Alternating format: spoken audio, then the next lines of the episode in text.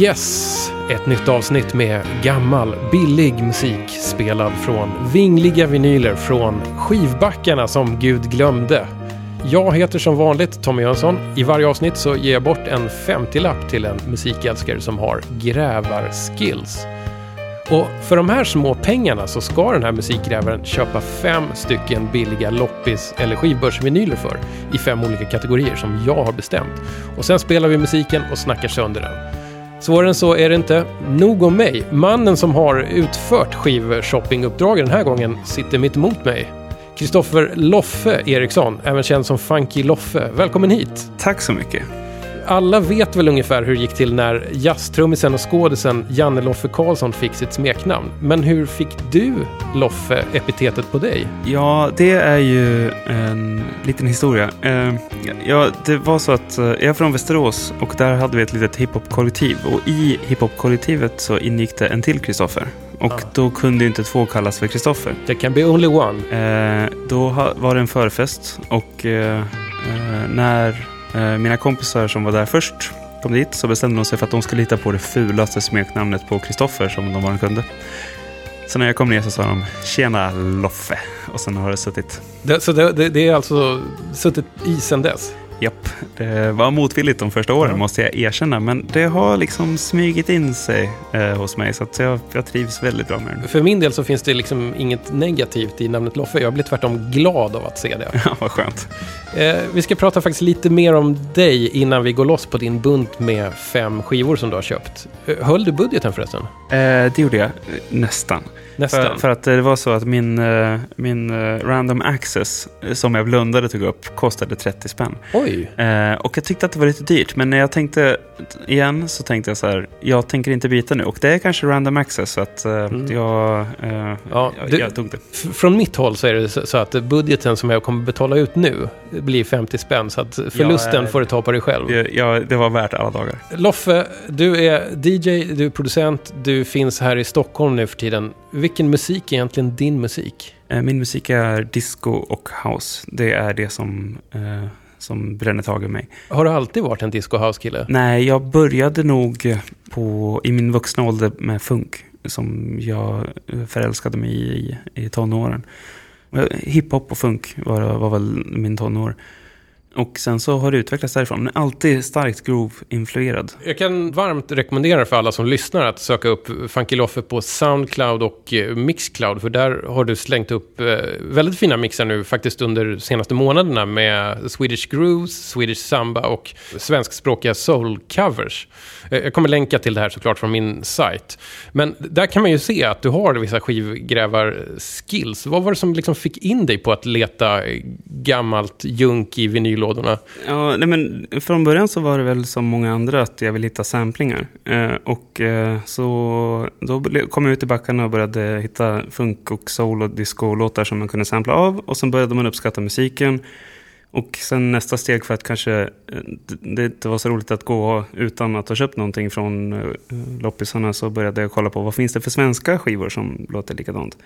Och då kom jag in på det. Så jag hade alltid med mig en liten bärbar rosa Hello Kitty skivspelare och lyssnade på i alla loppisar som jag var. Det är väldigt bra. Ja. När du DJar ute då, vad, vad är det du oftast brukar spela då?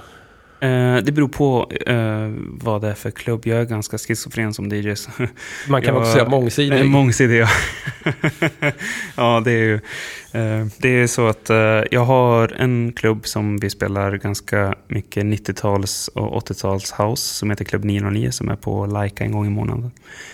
Sen så har jag en klubb som jag spelar svenska disco och grooves och en annan klubb som är inriktad mot dansstilen Vogue och eh, mm. den eh, kulturen, ballroom-kulturen som kommer från New York.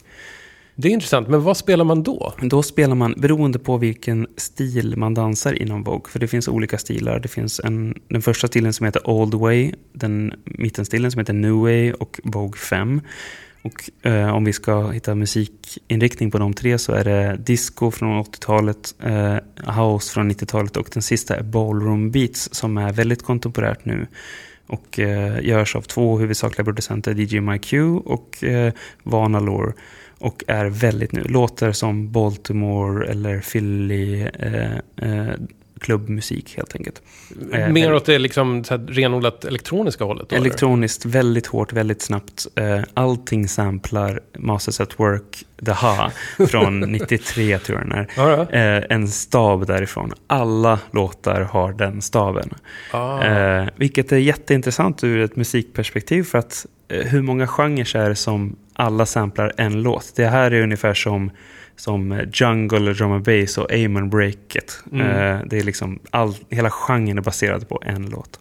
Det är härligt ändå. Ja, att, det är- att, det, att det kan funka på det sättet. Det är jättekul. Jag vet inte hur det är med dig just nu, men för mig känns det så här att det suger verkligen i musiktarmen och där ligger dina fem skivor.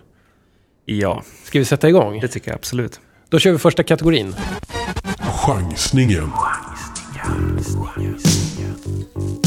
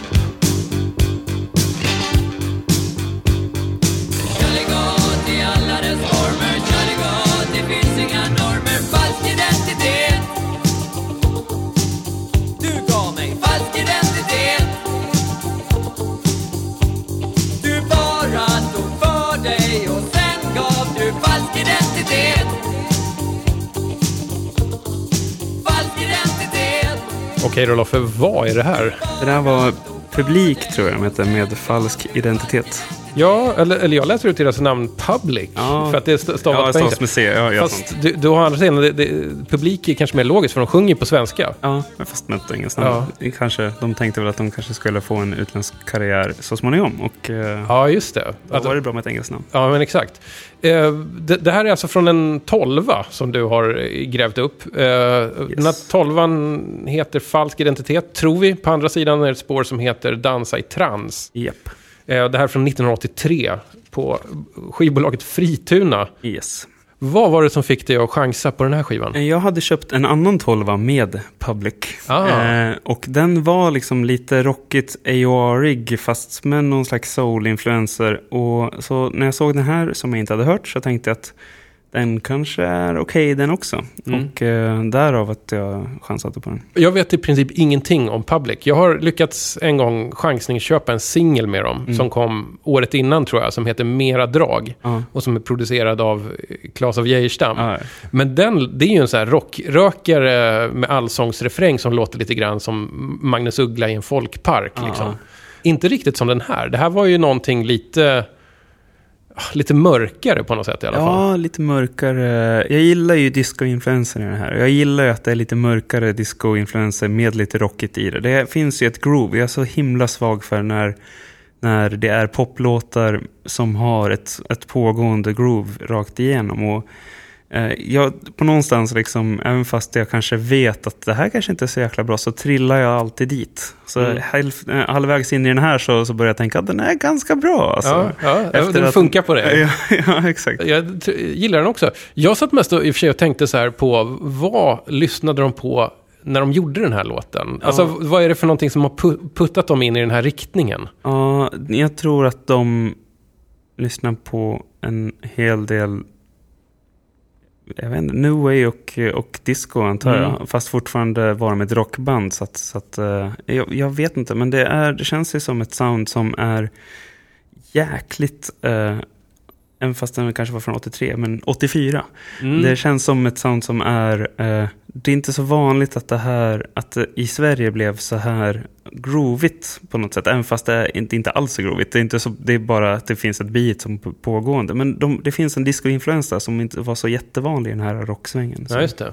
Jag undrar om inte det kan ha att göra med, med vår kära DJ Klabbe, Claes av Geijerstam. För att han har i alla fall producerat den fullängdaren som kom efter den Ja. här. Så Jag tror inte det står någonting om, om det på skivan. Men, Nej. men det kan vara så att han är producent för den här tolvan också. Ja, det skulle inte förvåna mig. Och han, om han har finger med i spelet så är det garanterat eh, någon form av disco som han försöker få in. Du, eh, det här är ju liksom tidigt svenskt 80-tal i musiken. Va, vad brukar du leta efter när du är ute och söker? Mm, jag letar ju efter alla skivor som jag inte känner igen egentligen. Eh, och, eh, Det känns som du söker ganska brett då. Jag söker väldigt brett, men det är ju som sagt att när man letar, eh, är man ute på loppis väldigt mycket så känner du igen ungefär vilken flora av, av skivor som brukar stå där.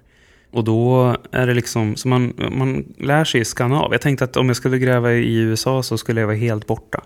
Mm. För att, eh, för att jag, jag har inte floran i, i bakhuvudet. Utan här är det ju mer så här, okej den här, en frituna 12, hur ofta ser man det? Inte så jätteofta. Eh, en grupp jag inte känner igen, eh, då är det klart att man vill chansa på den. För att den, den bidrar ju till det här intressanta med att leta LP eh, på loppis. Att eh, det är en helt annan flora av musik än du kan hitta någon annanstans. Mm. Speciellt också när det inte går att lyssna på den på någon sajt online. Eh, då är, Nej, det, det är ju roligare att kliva hem med den då och, och säga Exakt. Vad är det här för någonting. Det, det är då man behöver den här lilla Hello Kitty-skivspelaren Ja, som är portabel. Exakt. Men apropå det, var köpte du skivorna förresten? Jag köpte de här på, eh, jag tror det är Myrorna som ligger vid eh, Hötorget här i Stockholm. Pratar vi om den här som ligger liksom på en bakgata där nära eh, kyrkan? Precis den. ja. Ah, okej. Det var väldigt länge sedan jag var på. Jag har nästan glömt bort att de har skivor där. Jo, de har skivor. Hur, hur var floran där? Ja, den är, de får inte in jättemycket nytt, men de har några backar som alltid brukar stå framme som är det nya. Och där känns det som att det kommer och går en, en del skivor. Ehm, det är inte en av de sämre myrorna, men det är inte heller en av de bättre. De låter skivor stå kvar så att man kan hitta dem. Eh, för att ofta så eh, Eh, när en second hand kan bli eh, väldigt medveten om sina LP-skivor så brukar det ofta bli att de blir medvetna på fel sätt. Att, att eh, den här Lill Lindfors-skivan kostar 80 spänn och, och eh, sen så, så rensar de bort allting som de inte tror kommer sälja, vilket är sånt som vi egentligen letar efter. Det är farligt det där. Jag vet också att de här stora second hand-kedjorna verkar ju nu för tiden också eh, ha någon slags central sortering av dem. Men jag tror att vissa av dem som ändå ingår i den där kedjan, de som kanske har, eh, vad ska man säga, ganska... Som får skivor ganska ofta inte alltid hinner skicka iväg grejerna för Nej. sortering. Ja. Och då kan man faktiskt ha lite tur på de ställena. Även om man egentligen inte ska kunna hitta någonting där. Jag kommer ihåg när jag grävde väldigt mycket för några år sedan att man alltid försökte hitta de second handen som inte hade central sortering. Och att, eh, att man la ganska snabbt märke till det, att vad som, eh, var man kan gå och inte gå och så vidare. Nu för tiden så går jag mest när jag har tid. Så att då blir det att man får se, ja, se vad, hur, hur är floran här liksom. Älskar att du säger floran på, på och skivbörsar förresten. För det får mig tänka på dig som att du, du, du är en slags här, eh, loppis-vinyl-Linné. Nej, men det är ju en annan, det är ju en annan, ett annat utbud av musik. Det är ju, det liksom, det, det finns ju inte den här typen av, eh, av valmöjlighet någon annanstans. Du kan inte hitta eller lyssna på den här utifall du inte går på loppis och, och hittar den. Och det är det som är verkligen fint som, och som får mig att gå ut och, och leta på just loppis, inte skivbörs. Det kommer dit en annan form av skivor när ingen har gått igenom det innan. Hör du, eh, ska vi hoppa vidare i en kategori? Nej, tycker jag. Skivbörsklassikern. Det här är en skiva man inte kommer undan. Den tam, finns ta mig fan överallt där det finns eh, begagnad vinyl. Sjukt nog har jag faktiskt nog aldrig lyssnat på den. Har du det? Nej, aldrig. Det var därför jag köpte den. Håll i då. Sing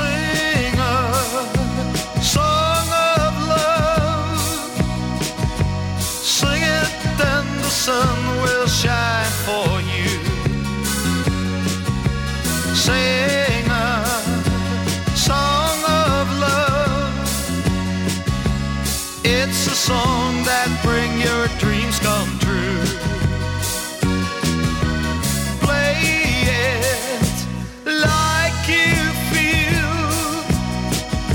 It will never let you down, my friend. Sing a song of love. Yes, it will help you when it comes right from your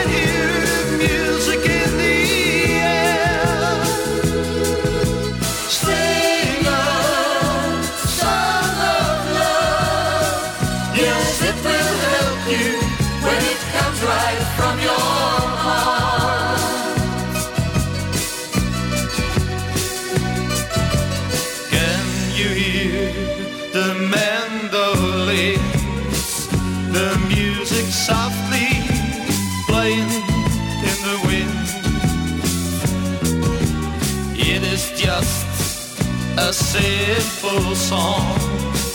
It's made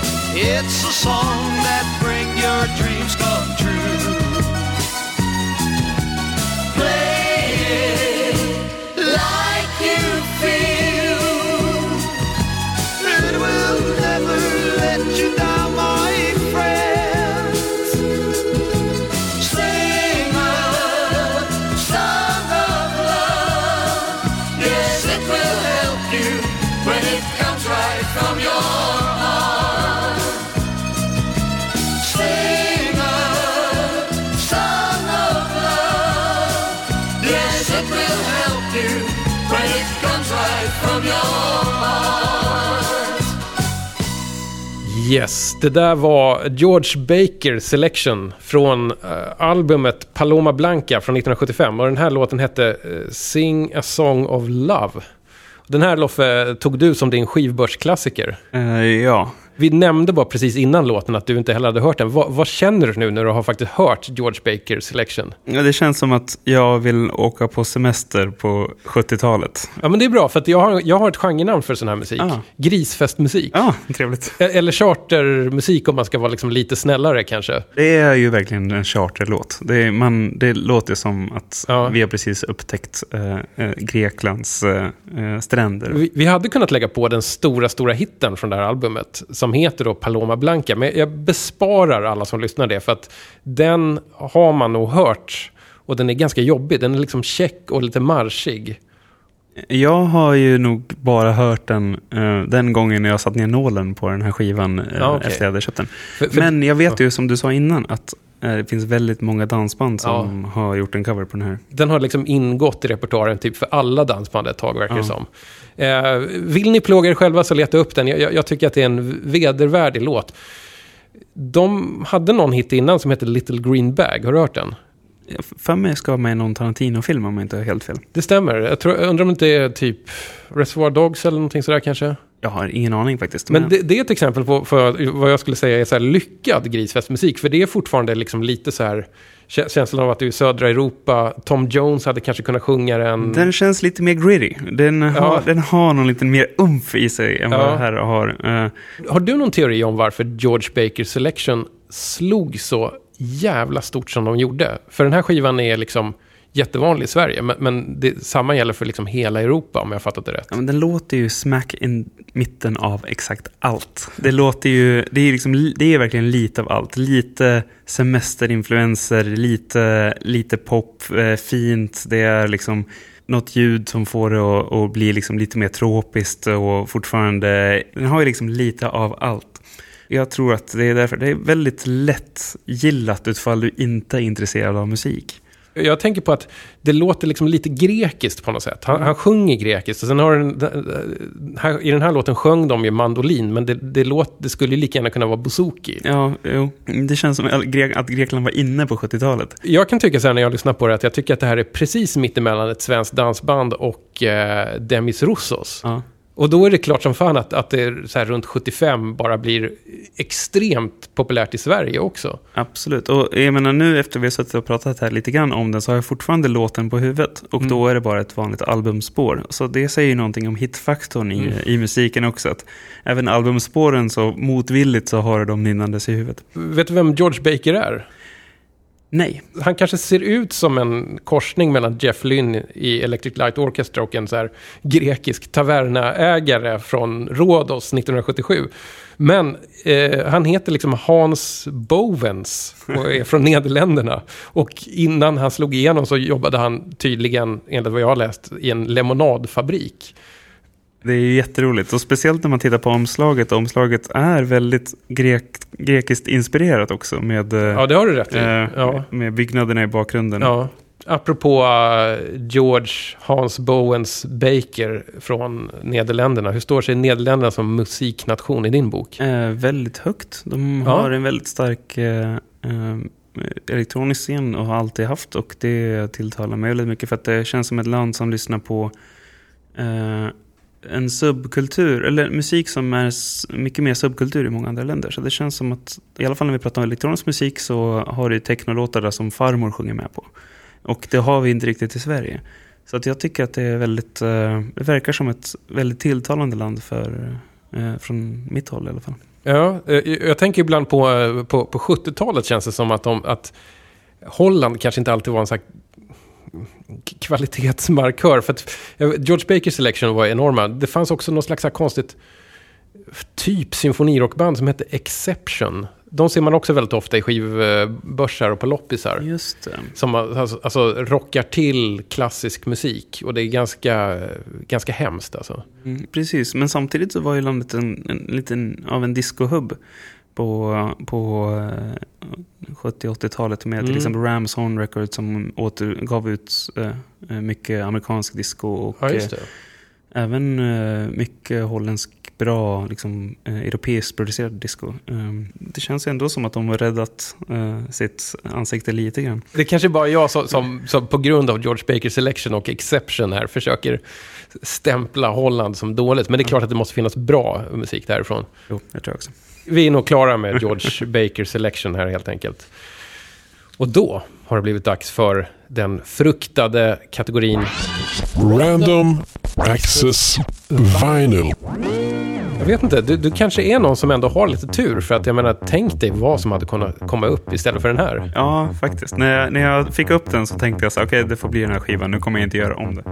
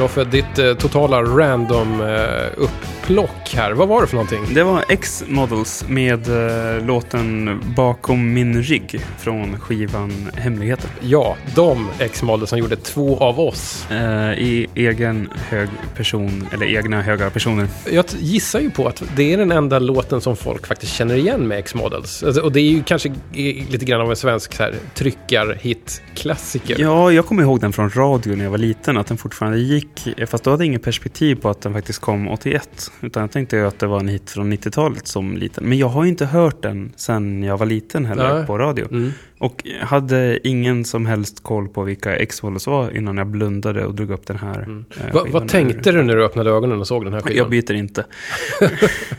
Nej, jag gillar ju Grabba Svenskt och så fick jag upp en skiva som jag aldrig lyssnat på. Det är ju, jag menar, Ja. det är väldigt... Det det är nästan som att man tror att det finns en högre makt som styrde fram den här åt dig. Ja, faktiskt. Varför körde vi det här spåret? Den tyckte jag tilltalade mig mest och den har ju de här new way och disco-influenserna som jag gillar. Och det här är en, egentligen en anledning till att eh, jag också hittar mig ut i backarna. Att det här är ett albumspår från en skiva där resten låter lite mer poppigt och rockigt. Och så finns det ett spår som har lite mer groove, det har lite mer mörker och det gör det hela liksom roligt Mm. att kunna hitta. Under låtens gång så sa du att, att, du, att när du hör det här så tänker du på, på en fest på Kolingsborg någon gång i början på 80-talet. Eh, Exakt, fast jag har ju inga referenser Nej. till det här. Det är bara filmen Nej. G som är min Kolingsborg-referens. Men det känns ju lite grann som att eh, Nürnberg 47 var nästa headlinande band. Det känns ju som att all, alla, alla liksom lite, vad ska man säga, lite kantigare och liksom lite mörkare eller dystrare musikstilar alltid på, förr eller senare har de hittat sitt hem just på Kolingsborg vid Slussen i Stockholm. Ja, kanske det. Jag har liksom, Nu måste vi styra tillbaka lite grann till Yes. X-models. Vad, vad vet du om dem egentligen? Förutom eh, två av oss så, så har jag ingen som helst Mm. aning om det här bandet. Eh, Det känns som att det bara finns en känd medlem i det och det är ju då Eva Attling. Ja, just det. nu för tiden eh, smyckes och kanske glasdesigner till och med tror jag. Någonting Mm. sådär. Det här var ju på tiden då hon var popstjärna. Innan det så var hon ju fotomodell. Hon har hunnit med rätt mycket. ja, det, det är en, en bra spikrak, eh, fast ändå kurvig karriär tycker jag. Ja. Hon kanske inte är världshistoriens bästa sångare, men jag tycker att det sättet hon sjunger på, den rösten hon har, är faktiskt helt rätt för en låt av det här. passar väldigt bra. Och det är ju lite grann det som är skärmen med, med eh, New Way-soundet. Att det låter väldigt eh, garage och fritidsgård på något sätt. Som, som får, det drar till någon form av kvalitet som man inte skulle få. För det ska ju kännas lite punkigt. Det ska ju kännas lite vi gör våran grej Mm. och vi skiter i allt. Kommer du ha någon användning av den här slumpskivan? Kanske faktiskt. Det beror ju på, utifall jag spelar svenskt ute och eh, går in på lite mer new way-aktig disco, så mycket möjligt att jag skulle kunna spela den här om jag spelar lite ett mörkare ställe. Ehm, Så jag är väldigt glad över att det var just den här som jag drog upp. Vi, vi lämnar den. Yes. Och istället så går vi in på... Nostalgiköpet.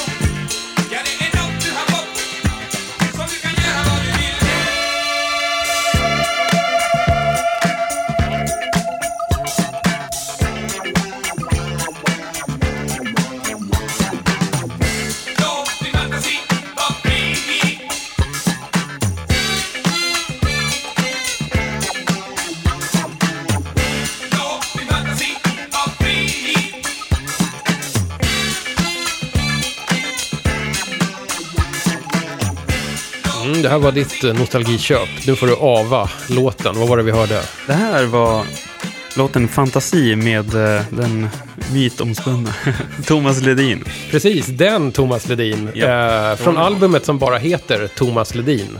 Eh, 1977 året va? Skulle kunna vara en eh, skivbörsklassiker, för man ser det här väldigt ofta. Jag kan fylla i lite här. Det här är alltså det omslaget som är liksom lite gultonat eller sandfärgat. Där det ser ut som att Thomas Ledin nästan försvinner i en sandstorm. Och hans namn är liksom lite logotypifierat och T har liksom, sitter ihop med en nymåne. Jag, jag kan inte säga att jag hör några liksom så muslimska influenser alls. Men man kanske inte läste av en nymåne på det sättet då. Det tror jag inte. På vilket sätt är det här ditt nostalgiköp? Eh, det här är faktiskt den låten som jag spelade ute för de första gångerna jag började spela svensk disco ute. Mhm. Eller svenska grooves ute. Och där, eh, som var den låten som jag började smyga in i, i de andra disco-funksätten som var svensk. Och där folk började reagera för att, bara, oj, helt plötsligt så, vänta, vänta, vänta ja, det, här, det här är på svenska. Så, så det, här, det här var liksom bryggan från utländsk disco till svenskspråkig disco? För mig var det det. Ah. Och, eh, och jag tyckte alltid att det var väldigt roligt att ha med mig den här. För att när man visade den för folk så var det Thomas Ledin som hade gjort den. För att alla har ju just Sommaren är kort som ja. första referens Ja. till vad gällande Thomas Ledin. Och tänker inte på att han har gjort annat tidigare. Mm. Det var därför som jag, eh, jag tyckte det var väldigt roligt att spela den här. Och dessutom så är den ganska bra att ta med sig. För att den har ju även Ta mig på eh, B-sidan och Dansa dansa också på A-sidan. Mm. Som är två andra väldigt bra Ja, discolåtar. det är finns i alla fall minst tre. Kanske till och med några fler. Alltså dansbara, grooviga, diskofierade spår på, på det här albumet. Jag lyssnade igenom det precis innan vi satt oss och spelade in det här och var faktiskt lite förvånad över hur pass så gedigen den här plattan är. Mm, absolut. Den har väl kanske egentligen bara ett bottennapp tror jag, den här låten om Charlie Chaplin. ja, men jag tycker allmänt att eh, Thomas Ledin är en eh, ur ett groove-perspektiv en underskattad artist. Mm. För att han är inte cool nog i skivgrävarkretsar för att eh, det ska, man ska, oj jag hittade den här Thomas Ledin-plattan. Eh, och speciellt i svenska populärhistorien så har han verkligen satt sin stämpel med sina pophits från, från mitten av 80-talet Mm. och framåt. Men hans 70-tal är väldigt bra disco som på den tiden också var lite fult i Sverige. För, Mm. Så att det hade inte så stort splash i de fin, fina musikkretsarna då. Utan det kom den här discoskivan och det lyssnades på lite grann och såldes i, eh, till personer som, som inte ansågs ha jättebra musiksmak. Och sen glömdes det bort lite grann. Det är intressant att du säger det, för, för jag läste också några intervjuer som är gjorda med Thomas Ledin, som inte är allt för gamla, men som är lite grann så här karriärsammanfattande eh, intervjuer. Och då nämner ju han det, att när han satte igång som artist i början på 70-talet i Sverige, då var han inte egentligen välkommen någonstans, för han hade blivit signad till ett stort bolag, och just då så rådde proggen. Ja. Och även om hans musik i början var alltså rock åt det proggiga hållet med svenska texter ofta och, och allting sådär. Så passade inte han in där, så han hade svårt att få spelningar. Och för hans del så var det ju ganska viktigt då att kunna ställa upp i Melodifestivalen, som han gjorde några gånger på 70-talet tror jag. Ja. Och då kanske det också är helt logiskt att man söker sig till diskon. Men, men eh, hur, hur cool var Thomas Ledin 1977? På Ja. basis av den här skivan, skulle du säga? Han var nog populär-cool. Han var nog inte den coola grabben, utan han var nog sedd som jävligt tuntig. Men ändå jag hade vissa, i vissa kretsar lite så anseende för att han var ju ändå stjärna. Eh, han känns som att han var killen som inte, som inte brydde sig, som sket i vilket. Okej, jag gör populär musik och, eh, och jag tycker att det är bra. Men jag tycker det är lite skönt att tänka så om Thomas Ledin också. För att så, så länge som jag kan minnas, i alla fall i mina kretsar, så har Thomas Ledin varit lite grann av en... Alltså han har varit som punchlinen i ett elakt skämt. Eller liksom lite grann en slagpåse som man positionerar sig mot. Liksom när man ska visa hur pass bra smak man har eller hur cool man är. Att liksom Thomas Ledin har stått för någonting töntigt. Men jag har ju börjat inse på sistone att vi har nog inte sett hela artisten Thomas Ledin. Nej, jag, jag tror att du har någonting i det säger. För att det är, eh, det är liksom den eh, infallsvinkel som jag har också. Och, om jag går tillbaka till det jag sa från början. Att det är ju lite av anledningen till att jag tyckte att det var så himla kul att spela den här skivan iblandat med, med så, citat, coola Mm. amerikanska funk och disco-skivor. för att den har ett coolt sound. Och sen så är Thomas Ledin som, som i populärkultur nästan alltid ansetts vara den här uh, tunten. Hörru, vet du vad? Jag, det finns ett, ett spår på den här, eller det är knappt ens ett spår, men det finns en liksom, liten passage på den här skivan som jag verkligen eh, tycker är så jäkla kul att den finns på just den här.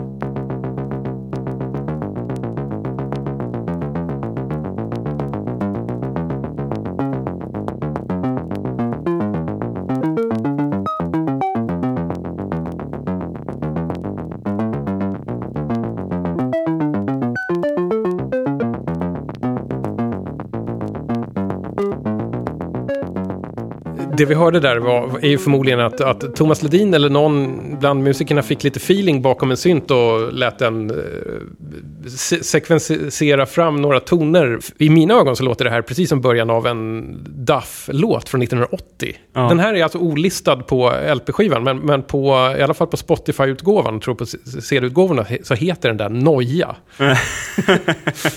Ett litet dolt guldkorn på, på den här plattan. Väldigt roligt. Som, som ligger sist på sida ett bara för att, liksom, inte vet jag, störa lyssnaren på något sätt. Ja, det där är, jag har aldrig hört det där. Det där är jätteroligt att de har bara tagit med överhuvudtaget. Ja, jag, jag har försökt hitta någonting, att, någon, någon kommentar om det här, men jag, Kan vi efterlysa en kommentar om det här? ja, om någon vet varför Thomas Ledin spelade in det här lilla interludiet, eller liksom outrot på sida ett, så ja, hör av er. Jag älskar det i alla fall. Det här är fantastiskt. Du, jag, jag tänkte ta chansen här nu när vi ändå pratar om liksom, nostalgiköpet. För det handlar ofta om liksom, skivor som man har haft tidigare eller som man har på något sätt nästan fått i famnen och sådär. Som kanske har styrt ens eh, musiksmak eller syn på musiken. Har, har du någon sån skiva? Någon platta som har liksom styrt in dig på någon väg som du sen har kunnat hålla resten av livet? Um, ja, det har jag ju. Men det är ju med en artist som är bandlist här. Jaså? Eh, och det är ju Lill Lindfors Hör min, eh, eh, Hör min samba, den som finns på eh, D- Du är den enda plattan. Det var första delen, eh, eller första skivan jag sprang på där jag insåg att det här är min absoluta favoritversion av Maskenada. Och att då insåg jag att vi har en väldigt bra, vi har väldigt bra musik som kommer ifrån Sverige. Mm. Och det fick in mig på just svenska, svenska grooves helt enkelt. Så det, det var liksom Du är den enda skivan som Det var du den gjorde enda med, med eh, låten eh, Hör min samba. Och då var det någonting som du liksom i vuxen ålder hittade fram till, eller? Nej, den här hit, ja, jo det var nog i vuxen ålder helt enkelt. Det är inte så att eh, jag lyssnade på den när jag var liten, utan min nuvarande musiksmak formades ganska mycket i, i vuxen ålder. Jag har väldigt lite eh, musiksmak kvar från när jag var liten, utan det är, det är sånt som har kommit sen jag började gräva LP-skivor som är det som jag lyssnar på. Men vad lyssnade du på när du var riktigt liten då? Mina föräldrar säger alltid att första skivan som jag eh, fick var, eh, var Bruce Springsteen, eh, Born in the USA. Men jag har inget minne av det. Mm. Och eh, de återberättar alltid historier med jag sjöng med och dansade till den. Men jag har liksom ingen referens egentligen till det. Sen var det Michael Jackson som alla andra. Mm. Eh, och det var min stora eh, idol när jag var liten. Tiden går fort när man eh, spelar skivor tillsammans och babblar. Det är bara en skiva kvar här. Fyndet. Det här blir rätt spännande. Jag känner till 50% av de som är på omslaget, men du kanske känner till mer om den andra 50 procenten. Ja, det beror på om du, är- om du menar Ellis eller Toots. Ja, vi får se. Os olhos já não podem ver coisas que só o coração pode entender. Fundamental é mesmo o amor. É impossível ser feliz sozinho. O resto é mar. Tudo que eu não sei contar são coisas lindas que eu tenho pra te dar. Vem de mansinho vez e diz: é impossível ser feliz sozinho.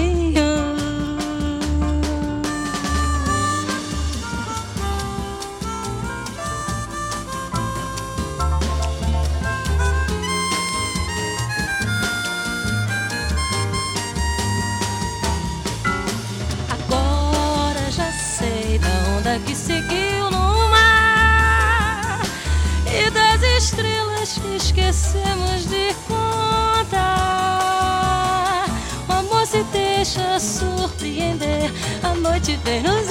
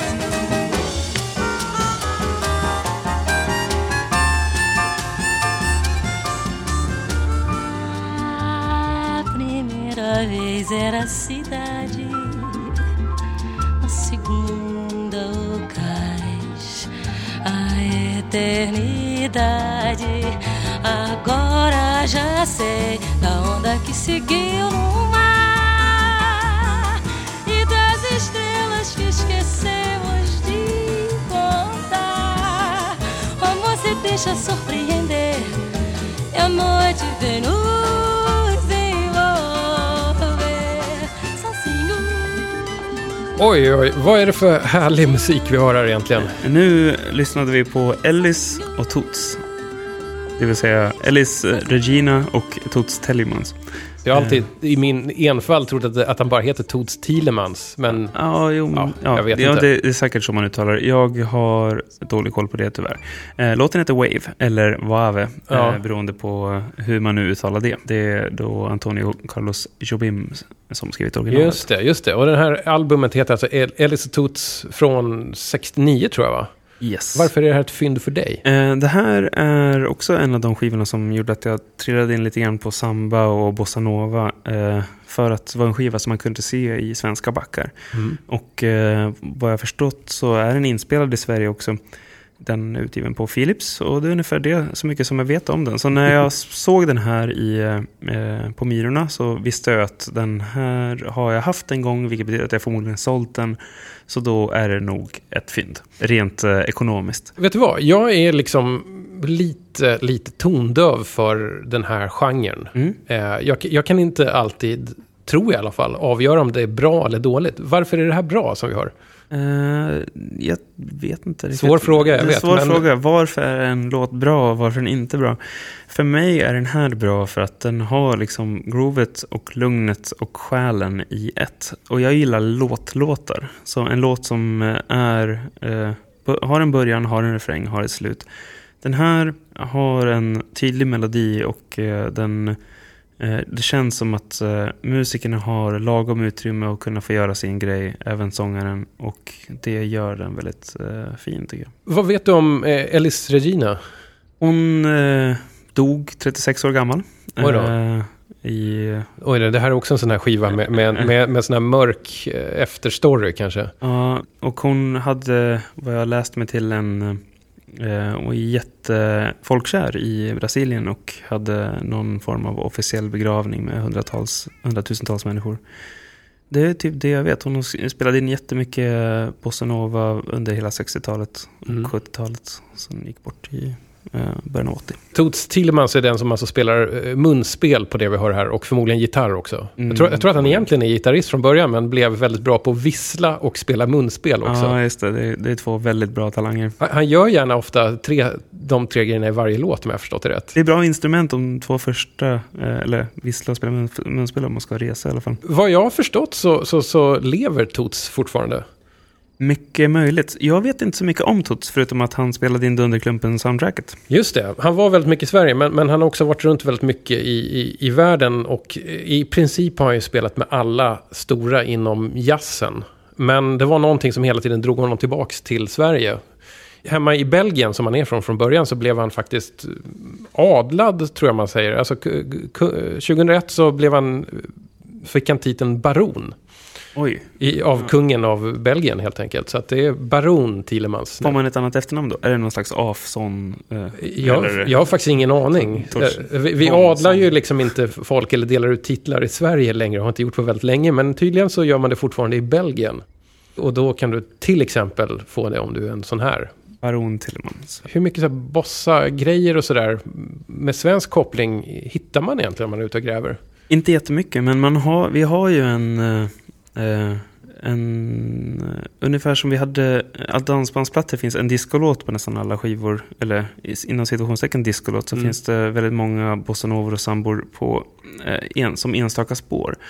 Och du hittar inte jättemycket men det, vi, av någon anledning så var det eh, två genrer som var populära att alltid ha en sån typ av eh, influens på, eh, som ett spår på varje platta. Ungefär som, ja, kanske inte riktigt lika mycket som Finland hade tangospår på varje platta. Men, Mm. men vi hade den influensen. Jag vet inte om det är tack vare Lill Lindfors eller... För det finns ju bossanovor som är tidigare än hennes. Ehm, det går ju att hitta. Och, eh, Men då kanske man ska liksom leta sig lite grann mot de mer så här jazzstämplade artisterna kanske för att hitta det. Det är snarare eh, popvokalister som, har, eh, som ofta har någon eh, pop bossanova eller någon pop jazz, förlåt, någon pop sambalåt på Mm. sina skivor. Det finns ju självklart jazzplattor med det också, men det har inte tilltalat mig i alla fall lika mycket när det bara är ett gitarrspel solo rakt igenom låten, utan jag gillar när det är låtlåtar. Mm. Men Det är, ta chansen att fråga när du ändå sitter här. Alltså, bästa svenska, liksom, svenskspråkiga samba eller bossa? Ja. Enligt dig, vad Ja, skulle du men det, säga? det är som jag sa tidigare, Lill Lindfors hör min samba, den går hem alla Okej. dagar, den är fantastisk. Det, det är liksom Ja, top notch. Ja, men den har ju allt. Den har, eh, den har ju verkligen proje- projektionen igenom hela med, och dynamiken. Så den är väldigt, väldigt bra. Även fast det nu är en cover så är den, eh, den är fantastisk. Ja. Men man, men man ska inte se ner på covers tycker jag. Jag, jag. jag tycker att det är någonting väldigt kreativt som händer när man, när man gör eh, alltså, covers som är också översättningar till svenska. Ja, ja absolut. Alltid roligt när, när de så här, skruvar till texten lite för att fungera i ett svenskt sammanhang. Eh, ja, eh, absolut. Och det där är jätteroligt. Jag, så häromdagen, jag och en kollega snöade in i, i finska covers. Eh, och att vi insåg att de hade gjort covers mycket längre i Finland. Och även långt in på 80-talet. Och att nästan alla låtar fanns. Eh, I mycket, alltså mycket större utsträckning än vad vi har svenska översättningar. Vilket är väldigt roligt för att det är... Nu förstår inte vi finska, men om man kollar på de, de svenska låtarna så är det ju inte alltid som texten är densamma. Den kan vara jättekreativt översatt, bara Ja. samma melodi egentligen. Ja, jag älskar det. Och jag, satt, vem, jag har tänkt på det här, vem satt och clearade de här? För det måste ju varit någon som satt på det engelska företaget, eh, eller förlåt, det engelska skivbolaget och tänkte, ja men det här, det låter väl bra, utan att veta egentligen vad de säger. Eh, För att det är ju väldigt kreativt ibland. Precis, jag, ty jag tycker det är härligt. Och det bästa är när de översätter ortsnamn från någonting kanske superamerikanskt till någonting som blir liksom, ja, Tranås till Ja. exempel. Laxå. Du, eh, jag bara tänker så här, du som är ute och, och gräver och letar så här. Finns det någon skiva som du alltid är på jakt efter? Som du, du har tänkt att den där skulle jag vilja hitta? Eh, ja, det gör det. Men låt, ge mig en sekund. Absolut. Ehm, eh, en skiva som jag alltid vill plocka upp igen är ju faktiskt uh, Stark Reality. eh, som är en klassisk sample-skiva kan vi säga. Det är, det är en, en jazz-funk prog-aktig skiva från tidigt 70-tal tror jag. Som innehåller oändligt mycket klassiska hiphop-samplingar. Mhm. Den, eh, det är en sån här platta som det finns skivgrävarhistorier om. Och, eh, det är en väldigt, jag har haft den en gång eh, och ångrar lite grann att jag sålde den. För den, är, den känns liksom för mig också historisk. För den har det här att den, eh, den har samplingarna och den är bra. Den har liksom där jag började mitt skivgrävande tills där jag är, att jag gillar låtarna. Och den, har, den är så klassisk så att den skulle jag verkligen vilja hitta igen. Tror, tror du att eh, den kommer dyka upp igen då? Det tror jag. Det är roligt att du faktiskt ser väldigt säker ut på att du, du kommer hitta den igen. Ja, kanske. Men eh, nej, det är snarare så att, eh, den, att man har sådana skivor är det som får mig att tycka att det är kul att gå ut i backarna. För att man vet ju aldrig. Kanske en dag så står den där, kanske står den inte där. Och det är ju det som är det fina med att gräva skivor. Vet du vad? Alltså, du, du fick order om att komma hit med, med fem skivor. Eh, men du har faktiskt med dig en sjätte platta också. Ja, En Odyssey. liten bonus. Ska vi köra lite Det tycker den? jag.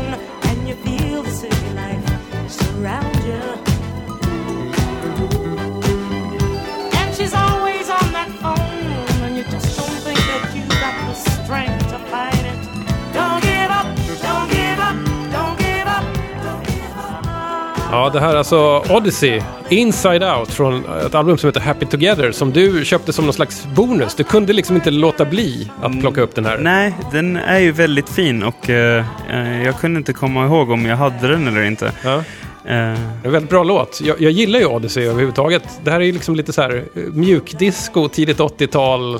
verkligen. Det är snart slut för eh, DJ 50 spänn med dig som huvudperson. Har vi lärt oss någonting av dagens skivor? Nej.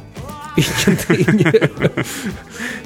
Du ska snart få ditt outro. Det får alla gäster. Men innan det så ska jag dra lite snabba eftertexter till programmet här. Så se framför er hur liksom det rullar en text här när jag säger det här. Att du har lyssnat på ett avsnitt av DJ 50 spänn. Jag som pratar och klipper och producerar hela det här heter Tommy Jönsson. Och om du lyssnar och gillar eller hatar det du hör så får du jättegärna höra av dig. Eh, då kan du göra så här att du kan likea min Facebookgrupp som heter DJ 50 spänn.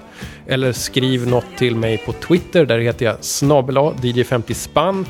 Man kan faktiskt supporta mig eh, med pengar om man vill. Och då gör man det bäst genom att köpa en tygkasse för 120 kronor. Det är alltså en vanlig tygkasse som rymmer cirka 25 LP-skivor.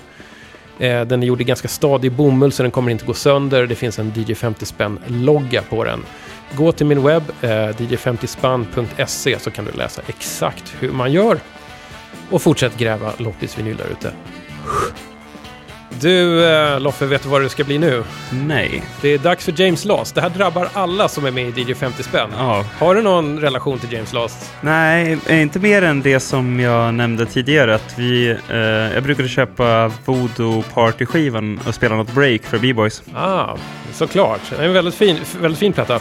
Men du, det var väldigt härligt att ha dig med här. Ja, det var jättetrevligt att få vara med. Ja, Tack för fin musik och tack för bra snack. ja tack detsamma. Vi säger hej då. Här kommer din James Last. Vad fint. Tack. Hej då. Hej då.